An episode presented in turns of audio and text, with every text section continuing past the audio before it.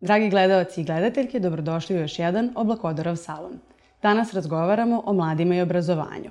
Kakva je pozicija mladih u savremenom obrazovnom sistemu Srbije i kako tu poziciju možemo da poboljšamo.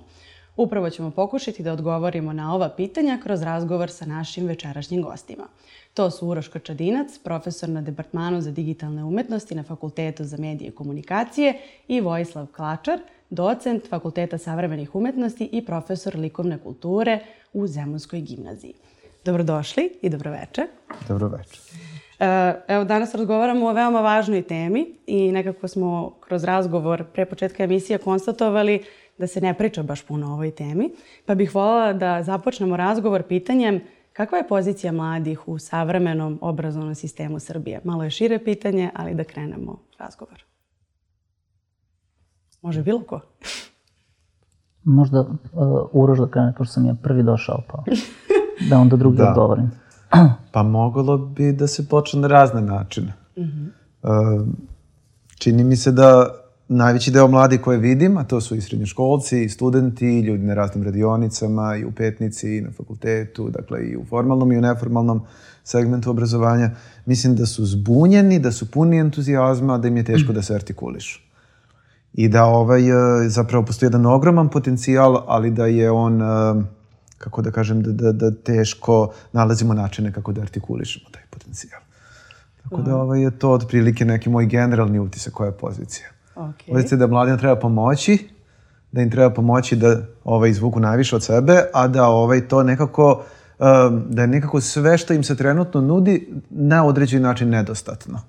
Bilo da je to državno obrazovanje, privatno, da li je formalno, da li je neformalno, sve nudi neke prednosti i mane, ali da više nemamo tu vrstu jedne autoritarne škole i u dobrom i u lošem smislu koju smo imali recimo pre pola veka škole koja je garantovala posao, škole koja je garantovala znanje, koja je garantovala uh, ajde da kažem, i neku vrstu strukture i na dobar i na loš način. Znači, nemamo više školu ni koja je autoritarna, koja je opresivna, a nemamo ni školu koja je ovaj, škola koja obezbeđuje neku vrstu pozicije, nego imamo školu koja se jednim dobrim delom, nažalost, vodi na mimikriju škole, mm -hmm. na simulaciju obrazovanja i ovaj, onda imamo mlade koji, koji prosto uh, kroz to prolaze, ne znajući ni sami šta zapravo sa svojim talentima i sa svojim potencijalima da rade.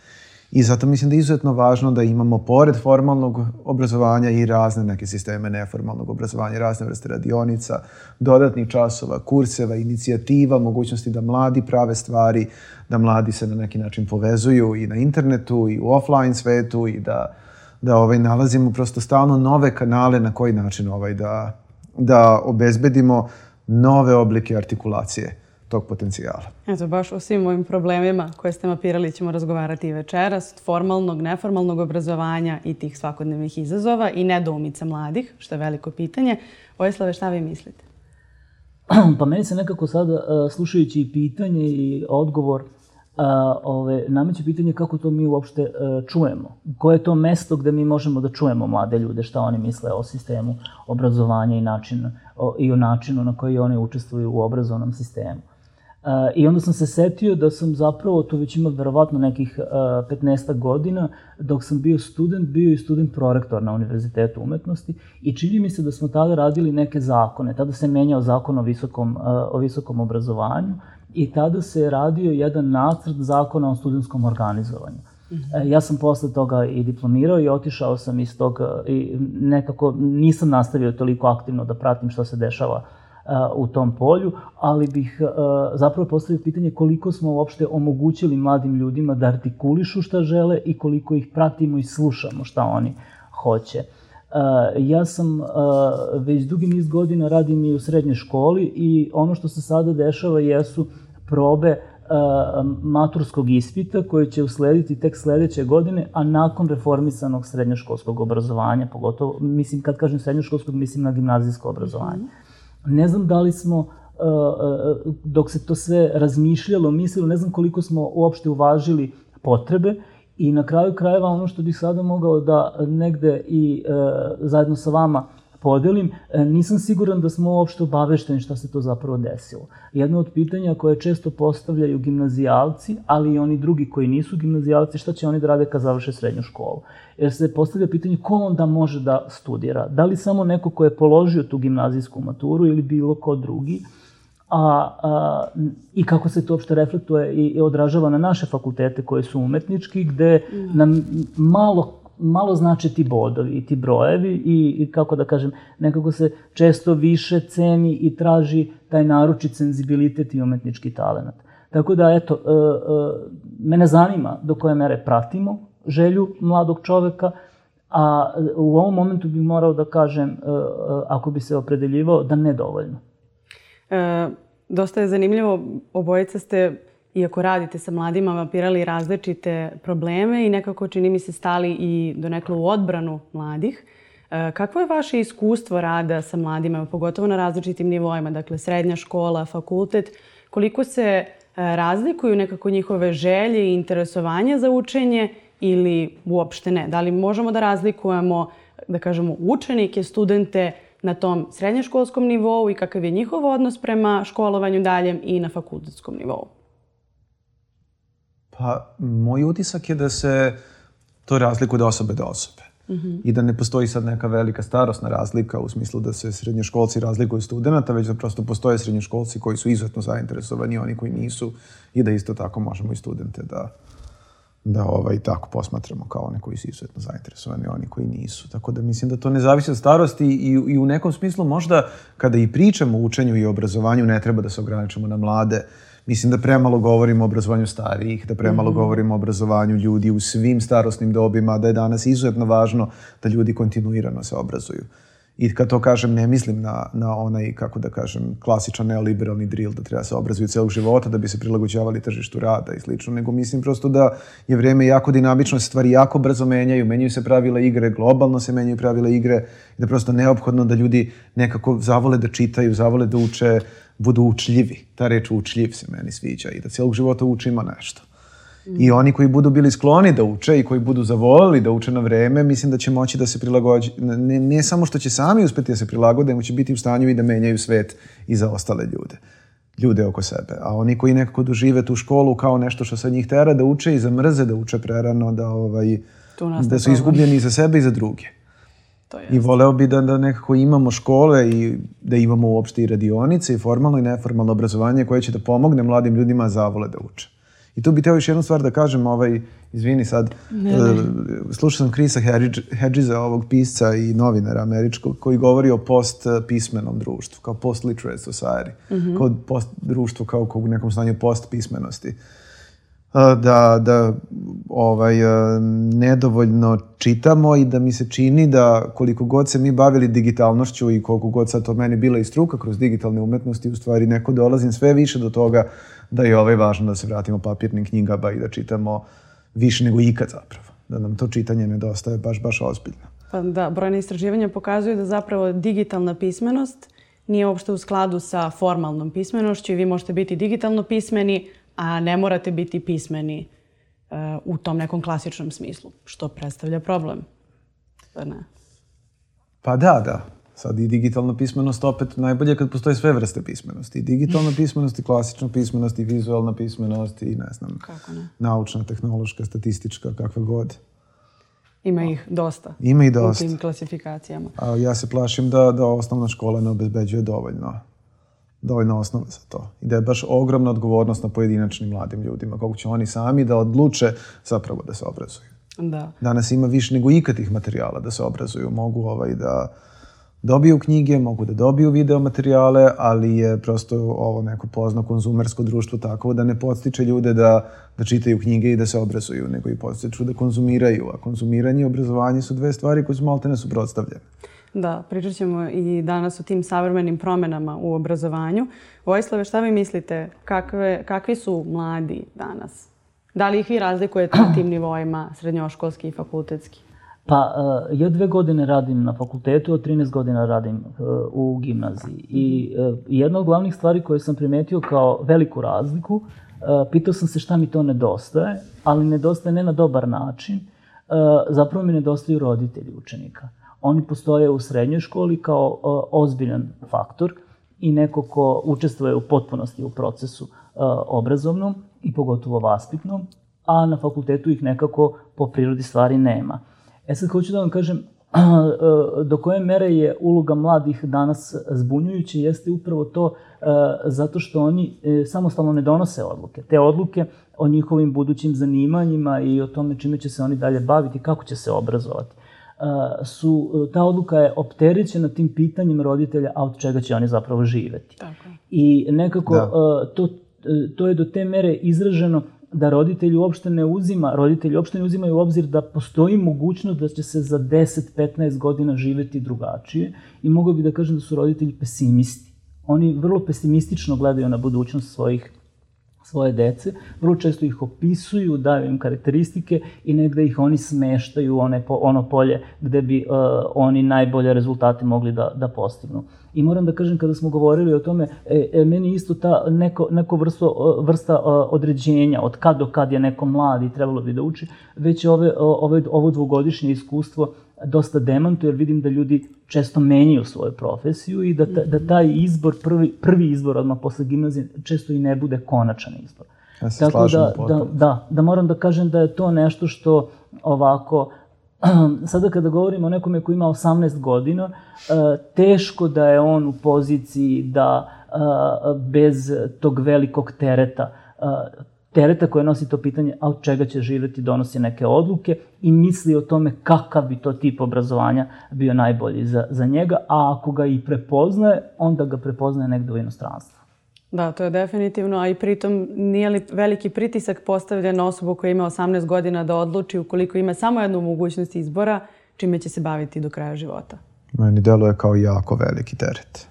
Jako veliki pritisak. Za nekoga koji ima 18 godina izašao iz srednje škole, recimo iz gimnazije, evo vi predajete da. u gimnaziji, vi uopšte nemate dodir sa time šta vama sve fakulteti nude i da li su oni prilagođeni možda nekom poslu kojim biste vi volili da se bavite i da li uopšte postoji formalno školovanje za tu vrstu posla.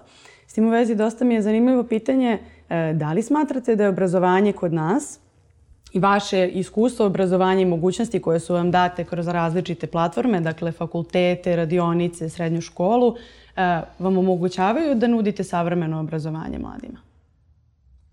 Pa ja mislim da, da ta promena koja se desila u gimnazijskom obrazovanju, pogotovo sa uvođenjem tih izbornih programa gde se učenici maltene već od prve godine negde usmeravaju. Ne znam koliko ste to ispratili, ali oni biraju, imaju opciju da biraju, ne znam, održivi razvoj, umetnost i dizajn, ekologiju, kasnije religiju, civilizacije, ne znam, imaju, imaju dosta nekih uh, mogućnosti i mislim da te mogućnosti, ukoliko to uradimo kako, bi, kako je negde zamišljeno, mislim, u, uradimo, kažem, na terenu, u praksi, mm -hmm. mislim da će to do, dosta olakšati to donošenje odluke, jer mislim da bi čovek prolazeći kroz te programe, a ti programi ne bi smeli da izgledaju onako kako mi znamo srednju školu. Od, odnosno, oni bi morali da budu recimo večeras ovde, da baš mhm. prate ovu emisiju, da su sutra na jednom fakultetu, preko sutra na drugom, da su stalno u kontaktu sa nekim projektima, da odlaze u neke velike firme, da odlaze u muzeje, galerije, yes. e, da, da se susreću sa ljudima koji su činioci E, e, važni u određenim oblastima. Tako da, da mislim da ukoliko to zaživi na pravi način, e, ja sam onda više negde optimista. Mislim da bi to moglo da bude bolje i da bi to moglo da nekako napravi jasnu sliku gde je potrebno, gde, gde su potrebni kadrovi, šta, šta vam je posao koji radite zbog finansijske sigurnosti, a šta je onaj posao koji radite zato što ćete biti srećni i baš i to ono što je deo vaše ličnosti, bez toga ne možete da se ostvarite. Mm. Tako da, eto, to, to mi je jedna ovako stvar koja mislim da je dosta dobra, koja se dogodila u poslednje vreme. Ali evo, pričamo o tome ako napravimo otklon od toga kakva je srednja škola koju smo znali do sada. Dakle, definitivno potrebna nam je promena i te neke percepcije kakvo u stvari bi trebalo da bude obrazovanje. Pa da, u svakom slučaju, mislim da, da, da ovaj, e, novo neko vreme nam donosi neke nove potrebe i bilo bi dobro da se, da ovaj, e, svi budemo spremni da se menjamo. Uroše, šta vi mislite? Pa ja moram da priznam da ja nisam ispratio te promene, ovo sad što čujem zvuči ohrabrujuće, zbilja zvuči ohrabrujuće. Ja mogu da kažem da sam najviše sa srednjoškolcima radio u Petnici kao stručni mm -hmm. saradnik na seminaru dizajna, gde radim već nekoliko godina.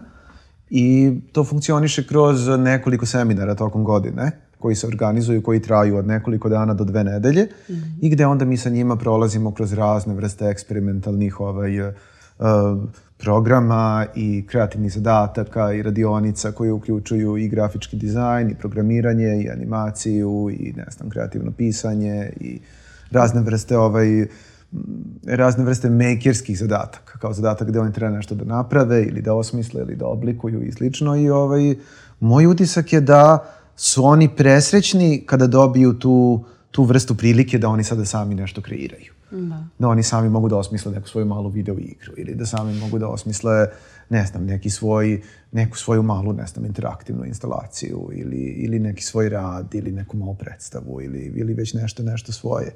I onda, I onda im to dođe kao suplement, kao dodatak u odnosu na ono što već imaju u srednjim školama.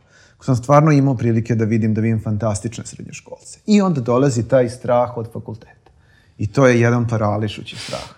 Kao vi tu vidite neverovatno, neverovatne mlade ljude koji ovaj, imaju neverovatne potencijale i koji stoje pred tim fakultetom kao pred jednom sudbinskom odlukom i ne znaju šta da rade, plaše se da će pogrešiti i, i ovaj, ne znam tačno šta, šta je neko najodgovornije da im kažemo. Možda je okej okay da. da im kažemo da, da, da ih hoće pogrešiti, ali da to nije strašno. Da će preživiti. Da mogu posle i da promene, da mogu i sami da uče razne stvari. Ja se sećam kad je trebalo ja da upišem fakultet, ja sam takođe bio pod velikim stresom šta da upišem, jer su me različite oblasti interesovale koji dan danas povezujem u svojoj praksi. I jedan ovaj uh, stariji uh, arhitekta i animator ovaj, me posavetovao, rekao je svaki fakultet će ti biti kao tuđa cipela na neki način te, ti paketi znanja koji postoje na većini naših fakulteta, ne na svima, ali na jednom dobrom delu programa su poprilično rigidni i ovaj, prilagođeni su jednom, jednoj vrsti društva koje zapravo ne postoji već nekoliko decenija. Ali i to se polako menja. I postoje kako da kažem, neki džepovi gde se otvaraju neki novi programi, gde se otvaraju nove prakse ja prosto volao više da vidim te mlade, da oni zahtevaju te stvari. Evo ovo što si ti rekao sada da je bilo super da su oni tu, ja mislim da bi to bilo predivno. I bilo bi još predivnije kad bi se oni nama suprotstavili i rekli ne, mi u stvari hoćemo nešto drugo, ne ovo što ste vi rekli. Sa ovim se slažem, a sa ovim se ne slažem. Voleo bi da vidim više bunta u mladima. Voleo bi da vidim mlade koji su nezadovoljni društvom, koji oni traže nešto novo, što oni vide da u tom društvu treba da bude, koji su manje konformisti, koji su manje u strahu da li će oni imati od čega da žive, a više su spremni da podignu pesnicu i kažu ne, ovaj svet koji ste nam vi ostavili nije dobar svet. Mi hoćemo jedan bolji svet. Mi ćemo sve vas da sklonimo i da pravimo drugačiji svet. Voleo bi da vidim tu jednu vrstu energije kod mladih i vidim je kod nekih, ali ovaj, želeo bi da vidim više mladih koji su spremni na tu vrstu energije i na tu vrstu borbe, koji će da kažu ja želim da se obrazujem, vi me ne obrazujete dovoljno.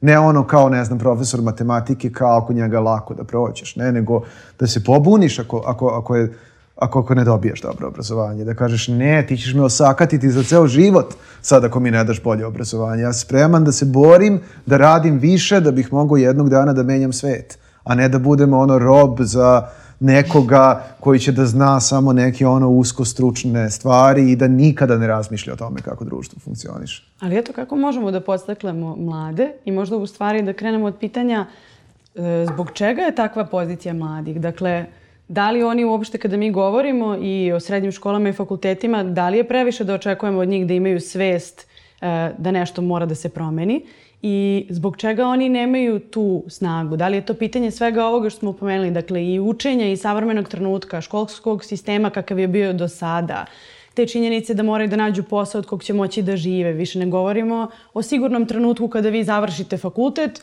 zaposlite se, radite negde 30-40 godina ili koliko god možete i onda nakon toga odete u penziju. Govorimo o trenutku kada vi kada upišete u srednju školu i kasnije krenete na fakultet, vi ne znate da li će vaše uh, obrazovanje, to je profesija za koju ste se školovali postojati, da li će postojati nešto novo, da li će neko mlađi to bolje usvojiti od vas, a vi u tom trenutku imate recimo 22-3 godine i već imate taj set problema koji vam nekako vise nad glavom imam utisak da, da, da, kako da kažem, sad ti si Marina rekla, oni, oni nisu dovoljni. Ja mislim da su oni super. Samo da im treba pomoći da se artikulišu, jer oni imaju u sebi tu energiju, samo, samo ni oni sami ne znaju šta s tom energijom da rade. Ja mislim da su oni i tekako svesni da neke stvari nisu dobri, da neke stvari treba menjati, da neke druge stvari jesu, ali, ali ovaj, im treba prosto, volao bi da možemo više da im pomognemo da, da artikulišu tu svoju energiju. Jer što su ljudi stariji, kako da kaže, manje imaju tu energiju, a više imaju znanja i mudrosti i razumevanja sveta. Onda neko dođeš u poziciju da imaš puno razumevanja, a nemaš više energije. Znači, treba da postaknemo mlade na taj neki zdravi bunt, u stvari. Mhm. To zvuči Mislim, sad i ta reč bunt već postala neko isprana, ali mislim da je bilo jasno na što sam mislio. Naravno, da. Vojislave, šta vi mislite? Pa ne znam, e, ja sam ovaj, e, radeći u Udruženju likovnih umetnika Srbije e, zapravo inicirao jednu inicijativu koja se zove Ulus mladih. I to je trebalo da bude jedno mesto gde će, gde će svi studenti umetničkih fakulteta, a, ali kad mislim na umetničke fakultete, mislim i na one koji nisu u Beogradu. Gde će svi studenti već kada upišu umetnički fakultet imati neko mesto gde rade i nešto što, e, neki prostor za sebe, odnosno već to neko, e, e, već tu neku tačku koju oni nadziru šta će se desiti nakon pet godina, da postoji, kad završe fakultete, da postoji to neko mesto gde oni odlaze i tako dalje. A sad kako su mi neka iskustva? Iskustva su mi da se nije u tome nisam snašao. Vi njima kada pravite neke okvire, pravite ih tako što vi baš mislite da su to pravi okviri, a nekada vas njihove potrebe demantuju. Tako da moram da kažem da je ovaj e, i taj prostor, e, e, hteo bih zato da pohvalim i vašu emisiju. Mislim da su to sve neki mali koraci, ali ne znam koliko smo kada mi tu godinu pređemo, odnosno kada mi završimo taj ciklus, koliko smo e, e, spremni da prihvatimo da su možda se okolnosti promenile. E, Da su se možda okolnosti promenile i da više to nije e, da to više nisu iste te potrebe. Tako da, e, sa druge strane moram da kažem da sam kroz radeći upravo na tom, e, ajde tako da ga nazovem projektu, e, upoznao mnogo mladih ljudi koji nose sjajnu energiju e, i koji, kojim ja verujem da, da postoje šansa da nešto e, urade za sebe, i, a i za nas. Ja isto da se slažem sa tim. Ja sam upoznao one koji imaju sjajnu energiju. Znači, mo, samo treba da im pomognemo da artikulišu te svoje misli i da ih možda malo ohrabrimo i onda ćemo biti na pravom putu. Pa i kada kažem neke stvari koje možda zvuče kao kritika, u stvari, u stvari to jeste ohrabrenje pre nego kritika. Da. Budite još hrabriji nego što jeste. Budite još bolji nego što, nego što jeste. Govorili smo o vašim iskustvima rada sa mladima i e, nekako dosta je zanimljivo pitanje e, da li postoji jaz između savremenih predavača i mladih? Pričali ste o tome da ne znamo više kada je ta granica, kada se uopšte razumete i možete da im pomognete da oni artikulišu svoje potrebe, ali sa druge strane jednostavno mora da postoji taj neki kontinuitet i prosto pravi se ta neka e, godi, razlika u godinama između ljudi koji predaju i ljudi koji uče nešto novo. Pogotovo kada govorimo o tom formalnom obrazovanju. Da li postoji jaz među vama i među vašim studentima i učenicima i da li to primećujete u vašim sredinama kod vaših kolega? Pa evo ja da ispričam, e, trenutno e, početak je školske godine i sad je ta neka situacija gde mi još uvek nismo sigurni da li ćemo trajati sve ovako uživo, da li ćemo se sastajati sa studentima ili ćemo preći na taj sistem gde komuniciramo preko, preko interneta. Ove, ali u svakom slučaju hoću da kažem, neko moje iskustvo je, dobili smo neki divan prostor i onda mi je palo na pamet da bi taj prostor, da bismo bolje u njemu radili, izgleda recimo nešto naliko ovom prostoru, da imamo te prostore gde sedimo, gde smo opušteni, da imamo neke velike stolove na kojim radimo, da imamo neke kompjutere i tako dalje. I dobili smo sve moguće uslove da, bi, da bismo to realizovali. A onda je trebalo da se donosi nameštaj. Onda mi je bilo potpuno nevjerovatno da studenti ne žele da donose nameštaj. Eto recimo to mi je bio pr prva situacija gde sam se suočio sa mladim ljudima koji su došli nekako sada spremni e, da, da, da to okruženje e, ne kreiraju na način da i oni učestvuju aktivno. A onda kada smo to sve nekako obezbedili, video sam da možda ja namećem tu stvar, da taj nameštaj uopšte nije ni potreban za njih, nego da je to meni više potrebno da bi kreirao neki, neki ambijent za njih. Tako da u tom smislu mi se čini da je jako važno uh, ih motivisati da se pobune, to meni se neće dopasti, ali bih voleo da učim. Voleo bih da nekako naučim da nisam ja taj koji uh, jedini diktira uslove zajedničkog rada, stvaranja, već da to bude nekako uh, opšti dogovor i uh, odnosno da eto baš taj moment da, da vas nekako vreme ne, prevaziđe. Da pratite stalno potrebu iz godine u godinu e, novog mladog čoveka, novog studenta. Mm -hmm. Uro, šta mi mislite? Pa ja bi se složio sa ovim. I, i, I nekako mislim da to ide dvosmerno. Uvek je ta komunikacija dvosmerna. Nikada to nije samo jednosmerno da, da ti kao predavač nešto prenosiš ostalima, a da ne dobijaš od njih. Mislim da zapravo je to i osnovna odlika nekoga ko želi kao predavač da napreduje, da on u stvari da. uči sve vreme i da se trudi da uči isto koliko i podučava. I, i svi ti mladi ljudi sa kojima, sa kojima radimo, nas zapravo sve vreme jako puno uče raznim stvarima. I mi se trudimo da budemo što otvoreni, što receptivni, da, da osluškujemo, da gradimo senzore i čula za, za njih i za njihove potrebe i da razumemo bolje na koji način ovaj, da, da se bolje postavimo. Kakav onda mislite da je odnos mladih prema različitim u stvari obrazovanim ustanovama? Da li su oni možda razočarani u mogućnosti koje imaju pa su zato letargični, pa se zato možda ne osjećaju kao da uopšte treba da učestvuju i da nešto menjaju ili zbog čega je njihova pozicija takva? Definitivno zavisi sve i od pojedinca do pojedinca. Ne možemo da generalizujemo. Kako ko? Mislim, Ali kada govorimo o nekoj vrsti organizovanog otpora, promene, to i dalje nekako i studentski protesti uh, koji su na fakultetima da, da. uglavnom su na temu produžetka godine, uh, nekih SP bodova. Če, redko kad govorimo o tome da promenimo uh, obrazovni sistem, da uvedemo neki novi predmet koji nam treba. Zašto je onda tako? Što, da li da. su onda i nekako ti mladi postali u stvari instrumentalisti u tome kako će da koriste svoje obrazovanje? Pa da, Dragan Ambrazić pišući u muzici jednom rekao nešto se meni baš mnogo svidelo. Mislim da, da ovaj zapravo može i na, i na ovaj novi hipertehnološki svet da se primeni. Kaže, danas, uh, danas ljudi više ne žele da budu subjekti, žele da budu objekti, nisu stanju ni svoje emocije da prepoznaju ako nisu formulisane kao kliše. Mm -hmm. I zapravo je tu negde, ja mislim, ključ uh, nekog obrazovanja u nekoj kreativnoj oblasti. Da, da vi njima pomognete da traže nove oblike prepoznavanja svojih osjećanja i ideja.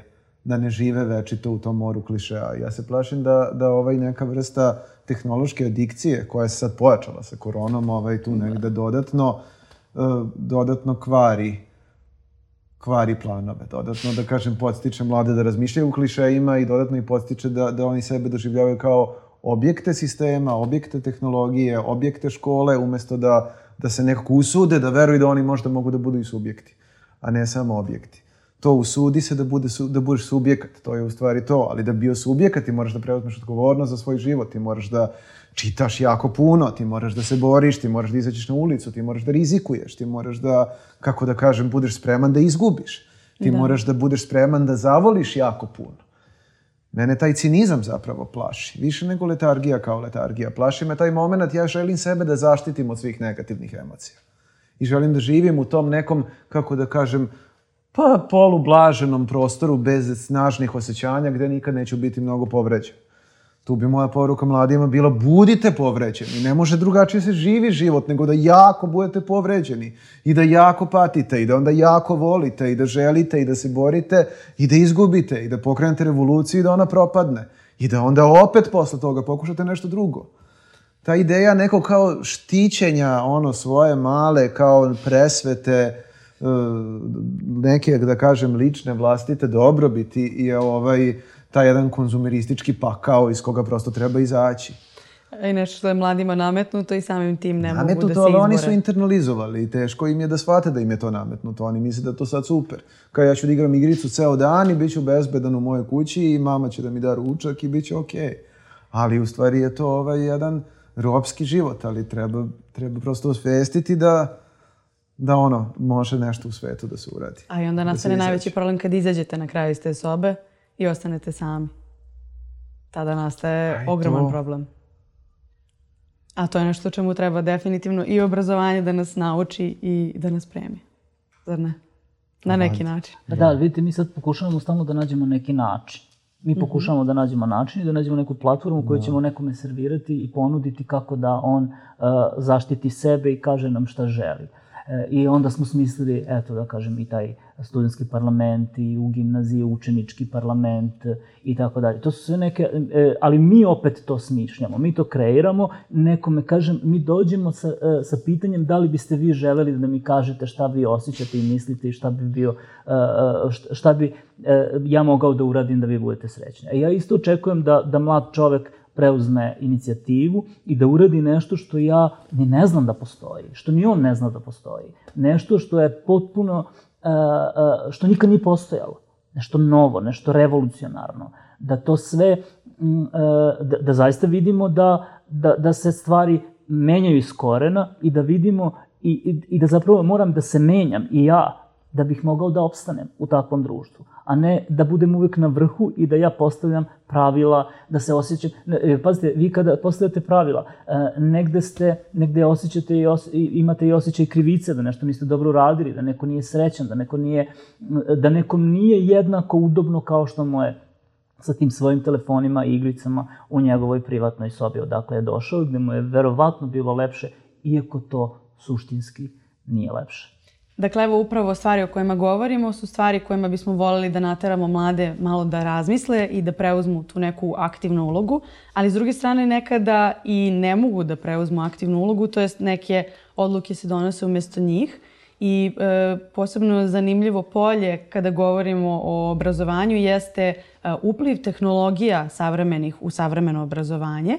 I zbog cele situacije i pandemije virusa korona od početka godine nameće nam se to e, novo obrazovanje, virtualno obrazovanje. Šta vi mislite o ovakvom vidu obrazovanja? Pa ja mogu da počnem onako vrlo intimno, kao ko je moj, moj utisak bio. Teže mi je da radim tako, iako mi je najizgled lakše. Ne moram da izlazim iz kuće, mogu da spremim iz svog stana predavanje, mogu da razgovaram sa studentima, mogu da skuvam kafu u svojoj kuhinji i slično, ali zapravo kada prođe neko vreme čovjek shvati da, da time puno gubi. I ono što ja najviše volim u, u obrazovnom procesu je ta energija koju vi razmenjujete s ljudima kad se nađete zajedno na nekom mestu i toga ima mnogo manje kada radite online, nažalost, i, i to meni jako nedostaje. I trenutno sad imamo neku vrstu hibridne nastave i na fakultetu i kroz neke radionice u kojima učestvujem i onda ta hibridna nastava podrazumeva da nešto radimo uživo, nešto da radimo preko interneta i uvek ovaj, on delo koji uživo se radujem puno, ovaj deo na internetu mi onako bude kao ajde sad da. moramo i to da radimo. Ja se plašim da će ove generacije koje su sada u obrazovnom sistemu za vreme ovih uh, ovih ovaj meseci i možda i ne znam kao godinu i po dve, ko zna koliko će ovo trajati, ovaj, da će biti oštećene, ali ne moraju nužno biti ako, ako opet i, i oni iskoriste to za više introspekcije i rada na sebi i ako se neko ne budu prepustili letargiji, što ti mm. kažeš, Marina. Tako da mislim da je nedostatno, mislim da nije dovoljno, mislim da ne može nikada da se u potpunosti zameni obrazovanje koje zapravo nastaje kroz tu vrstu emotivne razmene ovaj, uživo, ali da otvara jedno novo polje mogućnosti koje treba prosto da se istražuje i da vidimo šta tu može da nastane. I na neki način možda i te generacije nama mogu da pokažu kako mi možemo te tehnologije da koristimo pametnije ili da oni izmisle neke još novije tehnologije kako će to raditi. U tom smislu tehnologija može jako lako čovjeka da pretvori u objekat, mm -hmm. ali, ali treba da u tom smislu pomognemo u tehnološkom obrazovanju da, da se mladi odvaže da budu subjekti tehnologije, a ne objekti tehnologije. To je makar meni kao neka moja lična maksima u mom radu. Jer ovaj, eh, je to nešto što ne dobijaju uglavnom u formalnom obrazovanju kao poruku. Uzmite te tehnologije, napravite svoje, hakujte ih, promenite ih, oblikujte ih prema sebi. Nemojte samo da ih shvatate zdravo za gotovo. Nemojte ono na TikToku kao samo razmenjujete. Gledajte da imate što više lajkova na Instagramu, što veću popularnost i slično. To je površno. Nemojte da pristanete na tu vrstu na tu vrstu drila da pretvarate sebe u robu, nego probajte da hakujete sve to. Utoliko mislim da smo bili privilegovani mi koji smo odrastali 90-ih, iako smo imali mnogo slabije mašine i slabije mogućnosti i slabiju tehnologiju, ali smo neko bili primorani mnogo više da hakujemo stvari, da krekujemo te programe, nismo mogli da igramo igrice 90-ih ako nismo sami provalili kako da ih ovaj otvorimo i kako da ih piratizujemo i slično. Mislim da je danas tehnologija samim tim što je mnogo otvorenija za jedan ogroman broj ljudi, samim tim što pruža mnogo, vi, odnosno kako da kažem, mnogo je manji otpor mnogo, mnogo manje razmišljanja zahteva od korisnika, da samim tim mnogo lakše korisnika pretvara u neku vrstu neku vrstu zombija koji, koji, se, ovaj, koji se navlači na tu tehnologiju. To da... Ja bih voleo da, da nekako to, da neka vrsta otpora postoji. Da, čini mi se, evo sad ponovo smo pomenuli dakle, da se stvori otpor od tehnologije i stalno smo u tom nekako odnosu objekat-subjekat. Dakle, definitivno ovim razgovorom pokušavamo da pozovemo mlade da budu subjekti i da preuzmu i svoje obrazovanje i svoj život nekako u svoje ruke, a ne da prepuste sve sve drugima. Ali da se vratimo i na, na ovo e, virtualno obrazovanje. Vojislave, kako je bilo vaše iskustvo? Ja, po moje iskustvo je baš bilo nekako, na, e, sad kad bi morao da biram da li bih voleo da se vratimo na tu online nastavu, ja sam se preselio na selo.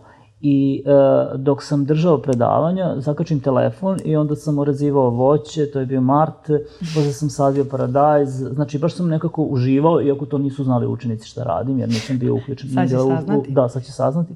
Nije mi bila uključena kamera, tako sam radio i sa učenicima i sa studentima i nekako mi se čini da sam baš, uh, uh, eto, spojio sam tehnologiju i, i uh, sa, uh, sa zemljom, sa, sa prirodom.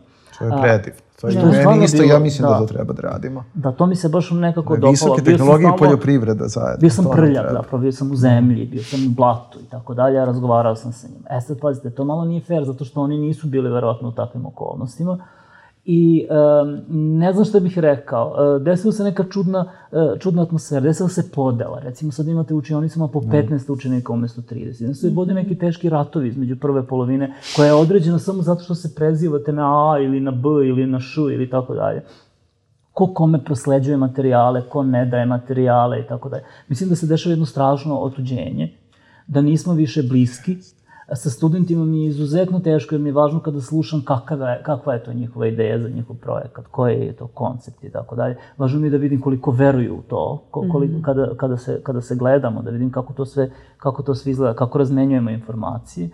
Tako da moram da kažem da je uh, svakako neko vreme koje bi trebalo da donese neke promene.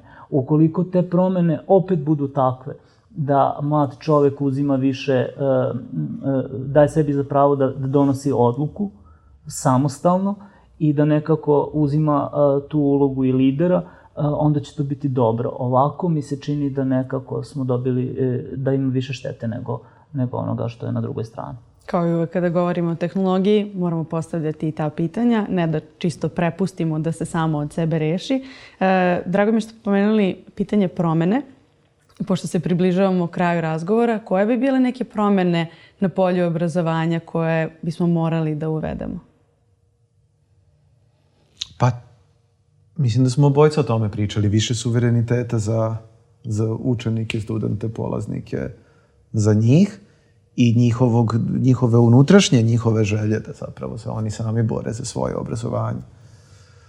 Ja se sjećam one, one čuvene rečenice u srednjoj školi. E, ono šta će to meni u životu. Mm -hmm. Sad dobijete neku matematiku, dobijete mm -hmm. neko likovno, dobijete neko, ne znam, kao ja sam voleo prirodne nauke, književnost i likov.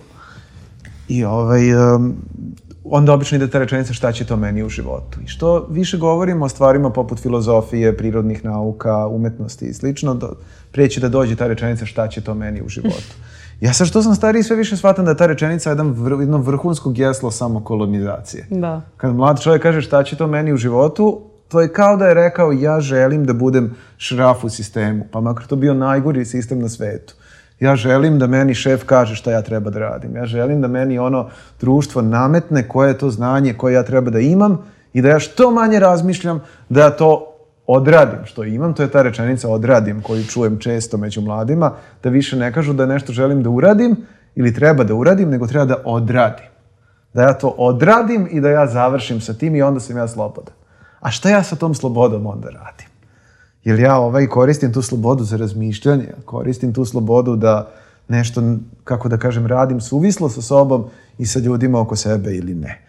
Tako da mene najviše plaši to šta će to meni u životu. Mi i dalje, koliko god da je naše školstvo urušeno i problematično i koliko god da je cijela situacija ovaj, ovaj, e, problematična i možemo o tome pričati dugo, naravno, mi i dalje imamo javno školstvo i dalje imamo neke škole u kojima decu podučavamo raznim nekim lepim i uzvišenim stvarima. I Uh, to je jedna ogromna tekovina civilizacijska. I reći da je to nešto šta će to meni u životu je ovaj, Prosto nemojte na to pristajete. Tražite još više. Tražite još više stvari koje su po znacima navoda beskorisne, a koje zapravo će da vas zapitaju, koje će da vam otvore duh, koje će da vam otvore radoznalost. Budite radikalno radoznali. A nemojte da kažete to šta će to meni u životu. Kao naučiti mene ono neki zanat da ja to mogu da odradim i da ja ne moram nikada uopšte da učestvujem u životu. Želite da, uče, želite da učestvujete u životu. Nemojte da se ograđujete od toga. Eto to. To nam treba više. Treba nam više toga antipristupa šta će to meni u životu. Sve vam treba u životu. A to jeste. Vojislave? Pa ne znam, ja sada, evo i danas kad sam došao ovde kod vas, nekako sve, sve mi se više potvrđuje da je jako važno da tu ulogu predavača, profesora, nekako ne bude toliko centralizovana. I važno je da studirajući upoznate što više ljudi i da, je, i da, se, da zapravo čujete što više različitih iskustava prakse. Mislim da bi studentima mojim mnogo bilo korisnije da se sada ovde upoznaju sa svima vama, da, da čuju vaše iskustva, ovih ljudi koji su ovde i sa ove strane i sa ove druge strane, da čuju neka iskustva, da vide kako ljudi danas žive i tako dalje. Eto, meni se desilo da sam pre par dana bio u Opovu u jednoj galeriji, mm -hmm. a pre toga sam završio i fakultet i doktorirao sam, nisam znao da postoji takvo mesto. Ja, ja, ja ne znam, da, da, mnogo puta sam bio u Opovu, ja sam iz Pančeva, pa sam tu... Da, to, to je stvarno jedno čarobno mesto sa neverovatnom galerijom i jako mi je drago što ću sarađivati sa tim ljudima tamo. To nikad nis, nisam znao. Nisam znao zaista da to tako izgleda i moram da kažem da ta vrsta putovanja, prakse, kontakta sa ljudima je, ja mislim, možda uh, mnogo dragocenija od tog sedenja i razgovora samo sa jednom osobom na kojoj se nekako usmeravate i, i, i ovaj, od koje vam nekako, takom se bar tada u tom trenutku čini sve zavisi. Da. da bi se složio u potpunosti i za praksu i za putovanje i za zemlju. Nisam stigao da kažem ja imam vrti ovo, sve mi je bilo više nego blisko. Taj, taj rad, pravi rad i rukama i rad na zemlji je nevjerovatno bitan. Da se onda poveže sa svim ovim što pričamo, kao i nauka i umetnost i tehnologija, jer ovaj tu Ali zapravo... svakako i tehnologija, nikako, nikako, mislim, neke stvari ne bismo mogli da, da uradimo Absolut. da nije postojala tehnologija. Zaista ne bismo uspeli da završimo školsku godinu ni bilo šta od toga. Ipak to nije bilo toliko uh, loše kada sada vidimo neka znanja postoje i tako dalje. Da, definitivno je dakle sve što treba da promenimo jeste prvo da damo mladima i prostor i podsticaj i to je nešto čini mi se kuda nas je ovaj razgovor i odveo. I evo za kraj imam pitanje da mi odgovorite ukoliko postoji mogućnost praktično u jednoj reči e, šta je najvažnije da mladi usvoje ili možda koji vid razmišljanja obrazovanjem? Hrabrost. Pa samopouznanje, da. I, I ovi odgovori su potpuno u skladu sa svime o čemu smo govorili. Hvala vam što ste bili moji večerašnji gosti i zaista sam uživala u ovom razgovoru. Hvala tebi. Hvala puno. A vi nas možete slušati i sledeće nedelje. Razgovarat ćemo o odnosu mladih i kulture.